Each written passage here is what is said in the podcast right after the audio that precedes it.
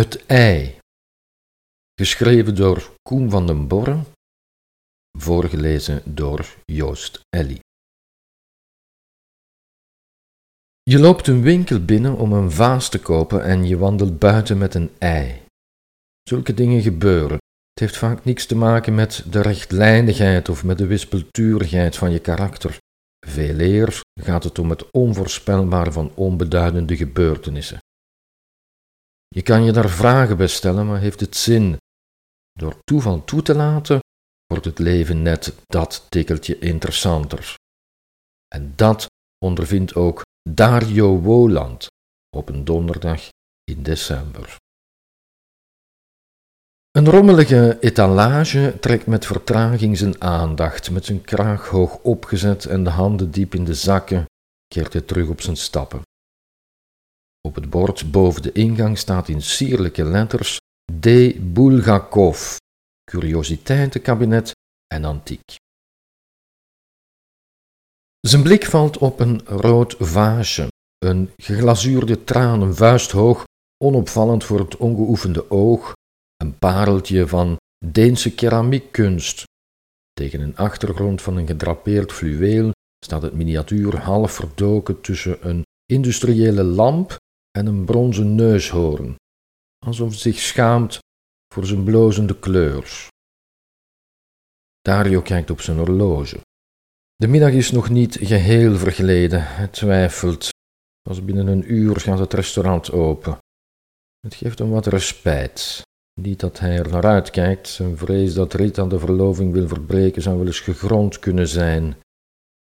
Het loopt al een tijdje stroef en er wordt voortdurend verkeerd begrepen. Althans, zo voelt het toch. De dikke zwarte kater in de vitrine kijkt op en rolt onverschillig op zijn zijde, de staart heen en weer wuivend als een vraagteken, alsof hij zeggen wil: zoek het zelf maar uit. Dario duwt de winkeldeur open.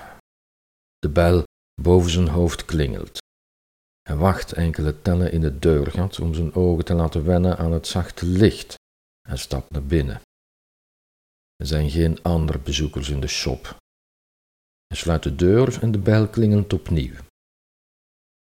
Een heer in onberispelijk pak komt uit de achterkamer. Hij heeft snel zijn mond leeg, dept zijn mondhoeken met een linnen servet en stapt op Dario af. Met welgemene excuses voor het wachten. Op dit uur zie ik zelden klanten. Een ogenblikje alsjeblieft. Hij loopt naar de deur en draait het open gesloten bordje om. Zo, dan worden we niet gestoord, zegt het maar. Wat kan Daniel Bulgakov voor u betekenen? Dat rode vaasje. Dario wijst naar de etalage. Als het is wat ik denk dat het is. Ja, dat vaasje.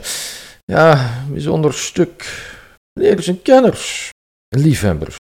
Hoeveel vraagt u ervoor? Het spijt me, dus niet te koop. Dario kijkt verrast. Ach zo, ik ben nogthans bereid een correcte prijs te betalen. Ik twijfel niet aan de intenties van meneer, maar ziet u, prijs is niet de reden waarom ik geen afstand kan doen van dit kleinood. Het heeft te maken met atmosferisch perspectief.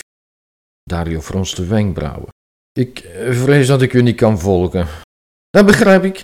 Staat u met toe, atmosferisch perspectief is een techniek waarmee schilderen en fotografen door het gebruik van kleur en vervaging diepte brengen in hun werk. Ik pas dit principe toe op mijn etalage. Dario schudt onbewust het hoofd. Ik verklaar me nader. De man in het onberispelijke pak wijst naar een schilderij boven een verzameling Javaanse schaduwpoppen. Kijk, het typisch van laat 17e eeuwse marine van een onbekende Vlaamse meester. Wat valt u op? Dario stapt tot bij het schilderij, haalt een leesbril uit zijn binnenzak en kijkt aandachtig naar het kunstwerkje. Ja, wat zie ik? Ik, zie een zeezicht, ik zie vanuit de verte loodgrijze, zware wolken aanrollen, een gedempt zonlicht dat zich doorheen de laatste keer probeert te wrikken. Vooraan zet een vissersboot alle zeilen bij om het onweer voor te blijven. Dario kijkt naar de man in het onberispelijke pak. Mis ik nog iets? Kan u mij iets vertellen over de boot? Dario drukt zijn neus tot bijna tegen het doek. Ja, mijn kennis over boten is eerder beperkt. Deze is rood en heeft een zeil. Ja, daar zal u het moeten mee doen, vrees ik. Bulgakov knikt. Zo rood als het vaasje in de etalage, zegt hij met een besmuikte glimlach en een opgestoken wijsvinger. U bent nog niet overtuigd een ogenblik. Bulgakov loopt naar een uitpuilende vitrinekast en haalt een schoendoos tevoorschijn. Bekijkt u deze eens. Dario neemt een stapeltje aanzichtkaarten uit de doos. Vakantiekaarten, landschappen, stadsgezichten, monumenten. En op elke aanzichtskaart, ergens op de weg, op een parking, op een brug voor een huis, een rood autootje. Begrijpt u het nu? Ander beeld, zelfde techniek. Rode vissersboot, rood autootje, rode vaas, zegt Dario. Zo is het. Het brengt diepte en structuur. En is dat belangrijk? Een etalage is voor een winkel wat een neus is voor een aangezicht. Dus u mijn winkel bezoekt, geeft aan dat het werkt. Dario neemt zijn hoed af en krabt zich achter het oors. Ik weet niet of ik het eens kan zijn met uw conclusie. Het was mij wel degelijk om het rode vaasje te doen en niet zozeer om de bekoring van uw etalage. Het rode vaasje is mijn etalage. En een ander rood voorwerp heeft niet hetzelfde effect. Zo is het, antwoordt Bulgakov zonder een zweem van ironie in zijn stem. De dikke zwarte kater krult zich een weg tussen de enkels van Dario en loopt parmachtig tegen een boekenkast omhoog om zich op het bovenste schap neer te vleien. Met de pretoogjes van een vatsige kat kijkt hij Dario aan. Bijmot voelt feilloos aan wie jij kan vertrouwen, zegt Bulgakov. Vroeger hadden wij ook mensen dat instinct, maar zijn we doorheen de jaren kwijtgespeeld. Ik begrijp het, zegt Dario niet begrijpend. Maar wat het vaasje betreft, ik verzeker u dat uw prijs de mijne is. Miauw, klinkt het van op de boekenkast. Aandringen heeft geen zin. Als vadertje iets niet wenst te verkopen, wordt het ook niet verkocht. Dario keert zich naar de boekenkast. Hij kijkt verbijsterd naar de dikke zwarte kater die zelfverzekerd terugstaart. De bek gaat open en een friesroze tong komt tevoorschijn. Met enkele stevige kopjes wast Bijmot zijn donzige voorpoten. In het deurgat naast de boekenkast verschijnt een tengere jongen van een jaar of veertien. En het maakt niet uit hoeveel u biedt, vadertje verkoopt alleen als hij dat zelf wil, en dat vaasje staat hier al zo lang ik het mij kan herinneren, zegt de jongen. Ach zo, zegt Dario, eerder opgelucht door de boodschapper dan door de boodschap. Bulgakov komt tussen Dario en de jongen staan en maakt een veegbeweging met de hand. Mijn kleinzoon weet wel beter dan klanten lastig te vallen met nonsens. Kijkt u rustig rond, er zal ongetwijfeld wel iets tussen zitten waarmee u als de tevreden klant mijn winkel kan verlaten. Dario knikt en begint ongemakkelijk aan een wandeling tussen de uitpuilende rekken, meubelen en curiosa. Hij wijst naar een elegant mahoniehouten kastje.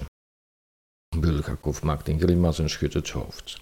Aan het kastje zelf twijfel ik niet, maar de pootjes zijn waarschijnlijk van een latere datum. Zolang ik dat niet heb uitgeklaard, kan ik het met de beste wil niet verkopen. Mijn integriteit als antiquair staat op het spel. Hij richt zich tot de tengere jongeren. Doe maar aan denken het is straks naar de werkplaats te brengen. Ook andere pogingen een voorwerp van eigenaar te doen wisselen stranden op bezwaren en excuses. Elk voorwerp in de winkel lijkt wel besmet door een toevallige samenloop, waardoor het, al dan niet tijdelijk, onverkoopbaar is. Dario kijkt naar de stationsklok boven de dubbele deur. Misschien moet hij maar naar het restaurant vertrekken. Beter met lege handen, maar op tijd. Een merkwaardig verhaal heeft hij al op zak. Ik teleurstelling en ongeduld in uw ogen en het grieft mij oprecht, zegt Bulgakov. Hij komt naast Dario staan en alsof hij iets illegaal en geestverruimend in de aanbieding heeft, zegt hij met zachte stem: U bent op zoek naar iets om te koesteren. Misschien ligt dat voor u in het immaterieel. Kan ik u wat poëzie verkopen? Poëzie, herhaalt Dario, niet goed wetend of Bulgakov een grapje maakt. Een paar versen of een kort gedicht kan al voldoende zijn. Een ogenblik, ik ben zo terug. Bulgakov loopt naar de achterkamer en aait en passant liefhebbend de bol van zijn kleinzoon. Ze verdwijnen samen in de achterkamer. Dario hoort het geritsel van papieren en het open- en dichtschuiven van lades. Is het dit? hij een kinderstem vragen. Dat zijn ze prima, jongen. Bulgakov komt opnieuw de winkelruimte binnen. Hij draagt een dikke gemarmerde map in zijn armen, als was het een overreden hond. Hij neemt plaats aan een tafeltje met gekrulde poten, knoopt de lange bindlinten los en opent voorzichtig de map. Moet u luisteren, hier zit zeker iets bij dat u zal bevallen. Bulgakov laat enkele losse bladzijden door zijn handen schuiven. Deze bijvoorbeeld. Waarom zou ik de leegte verkiezen nu het leven door mij stroomt? Na mijn dood rest mij nog een eeuwigheid om ze te omarmen. Bedenkt u, geen liefhebber van het Gilgamesh-epos? Hm. Ja, misschien ook wel wat neerslachtig heeft gelijk, we zoeken verder. Minutieus doorbladert hij de map. Dat is dan iets dichter bij huis, een tijdgenoot van Dante. Devoot gevouwen in verstilde rust, brul je als een leeuw met de kracht van een zucht. Heel mooi, toch? Bulgakov kijkt verwachtingsvol naar Dario. Of misschien bent u wel een liefhebber van haiku. Wat vindt u hiervan? Schenk mij je lach. Die geeft zonder iets te vragen, ik geef je alles. Van een leerling van de grote Basho. Nee? Geen nood, we zoeken verder. Hij kijkt Dario aan, legt vervolgens een hand op de rug van Behemoth die snorrend op de tafel is komen te liggen, en knikt. Ik denk dat ik het weet. U zoekt iets dat uitdrukt hoe u zich voelt wanneer de liefde uit uw lichaam wordt gesneden als een stuk filet puur uit een karkas. Dario kijkt verrast op. Ja, zegt hij zelf verwonderd over zijn vastberaden toon. Dan weet ik precies wat u nodig heeft. Hij sluit de map en diept een beduimeld schriftje op uit zijn binnenzak. Na wat zoeken schrapt hij zijn stem. Sinds jij weg bent, heeft de dag geen begin. Sinds jij weg bent, pas ik niet meer in mezelf. Wat denkt u? Is dat wat u zoekt? Vreemd genoeg wel, lacht Dario. Hoeveel vraagt u ervoor? Normaal 26,50, maar omwille van het gedoe met het vaasje laat ik het u voor 15. Is dat aanvaardbaar voor u? Verkocht? Fantastisch. Een verstandige keuze. Bulgakov scheurt het gedicht voorzichtig uit het schriftje. Hij staat op en wandelt tevreden naar de toonbank. Naast de kassa hangen rolletjes met kleurrijke linten. Van het blauwe lint knipt hij een eindje af en wikkelt het om het opgerolde papiertje. Hij trekt een lade open en haalt er een gouden ei met azuurblauwe meridianen uit, dat op zijn evenaar openklapt.